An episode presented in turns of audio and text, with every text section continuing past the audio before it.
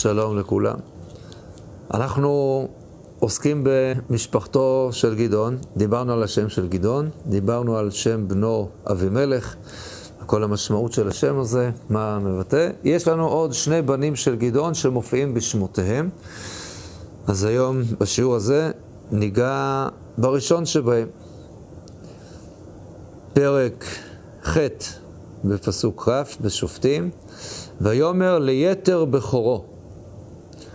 יתר בכורו.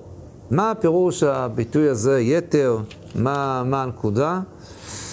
ובכלל צריך גם להבין את מה שהוא מבקש. אנחנו נמצאים כאן בתיאור של מלחמה מאוד גדולה שהייתה מול המדיינים. הייתה מלחמה גדולה ורצינית מאוד, ושני המנהיגים הבכירים אה, של המדיינים, זבח וצלמונה, הם נתפסים כאן על ידי גדעון. והוא שואל אותם, מה עשיתם אה, לכמה וכמה אנשים, שמתברר שאלו היו האחים שלו, ו... ובעצם מה שהם אומרים לו שהרגנו אותם. והוא אומר להם, ויאמר החי בני מי הם? חי השם, לו החייתם אותם, לא הרגתי אתכם, אבל כיוון שהרגתם את האחים שלי, אני עכשיו הולך להרוג אתכם. ואז, ויאמר ליתר בכורו, קום הרוג אותם. ולא שלף הנער חרבו, כי ירא כי עודנו נער. וזרע וצלמונה מתקוממים, ויאמר זרע וצלמונה, קום אתה ופגע בנו, כי כאיש גבורתו. ויקום גדעון ויהרוג את זרע וצלמונה, ויקח וכולי. הסיפור הזה נראה מוזר קצת. גדעון, מה, מחנך את בנו למצוות? אני מבין שזה הבן שלו רוצה לחנך אותו, אז תגיד לו, בוא, בוא תגיד, אני זמירות. קצת גדלת, בוא תגיד פסוקי זמרה בית הכנסת. עוד יותר גדלת, נו, אולי תקרא איזה חלק מפרשת השבוע. איזה מין חינוך זה? כאילו, הוא צריך לראות את זבח וצלמונה, שני מלכי מדיין הצוררים הללו שעשו הרבה מאוד צרות. לא, אנחנו לא מרחמים עליהם, אבל מזמין את הבן שלו, הנה, נו, בני היקר, מכובד במצוות, קום תהרוג אותם. אנחנו מבינים שהוא עדיין צעיר, שהרי הפסוקים אומרים, ולא שלף הנער חרבו, כי ירא כי עודנו נער. מה פשר הדבר הזה? מה זה בכלל יתר? מה זה יתר? אז אולי הפירוש הפשוט שייתן לנו כבר כיוון לעניין הזה, יתר זה סוג של חבל, מיתר, אבל אולי ניקח פסוק בתהילים, שככה אה, אה, ייתן לנו ככה בדיוק את ההגדרה היפה בעניין הזה.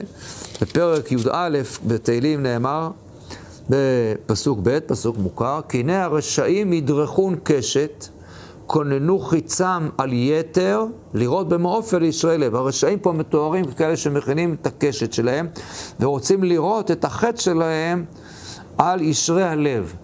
אז הם לוקחים את הקשת, מכוננים את, ה, את חיצם על יתר. יתר זה מיתר. כלומר, המיתר של הקשת, שאיתו דורכים אותו ואיתו מעיפים את החץ, זהו היתר, יתר כמיתר.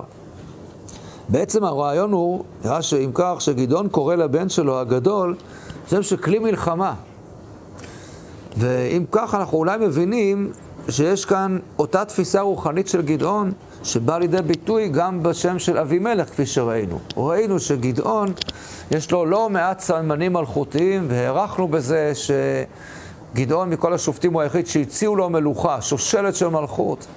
הוא לכאורה לא רצה, אבל הבן שלו קורא אבימלך, אבא שלי מלך, אני בעצמי אבא של מלך. הנה זה בא לידי ביטוי אולי גם בבן הגדול. הוא מכין את הבן הגדול שלו בתור יורש העצר. מה פתאום לקרוא לו בצורה כזאת? זאת המשמעות. אתה זה שהולך להמשיך את הניצחונות, את הקרבות, את המלחמות שאני ניהלתי, אז לכן הוא קורא לו בצורה הזאת יתר בכורו, זה, והוא זה שמנסה להכין אותו, להכניס אותו באמת לתפקיד הזה שלו. טוב, זה דבר מאוד מעניין, לראות בצורה כזאת שגדעון, שלא כל כך רוצה את המלכות, דואג להעמיד יורש. הרי העמדנו והסברנו שמלכות עניינה ירושה. ההמשכיות הזאת וכאן גדעון בעצם, אנחנו רואים מאחורי הקלעים שהוא כנראה כן הכין, גם בשם שהוא נותן לבן שלו וגם בתפקיד. זה כנראה לא היה דבר מוצלח במיוחד, שהרי אנחנו יודעים איך זה נגמר. זה נגמר רע מאוד כאשר אותו יתר נהרג יחד עם שאר שבעים אחיו על ידי אבימלך, וכנראה, שוב, כפי שגדעון נקרא גדעון כי השושלת נקטעה, גם יתר כאן לא הצליח לעשות את מה שאבא שלו ציפה ממנו, שימשיך אותו הלאה. אבל יש כאן נקודה נוספת, ואותה כבר נעביר בעזרת השם במפגש הבא. כל טוב.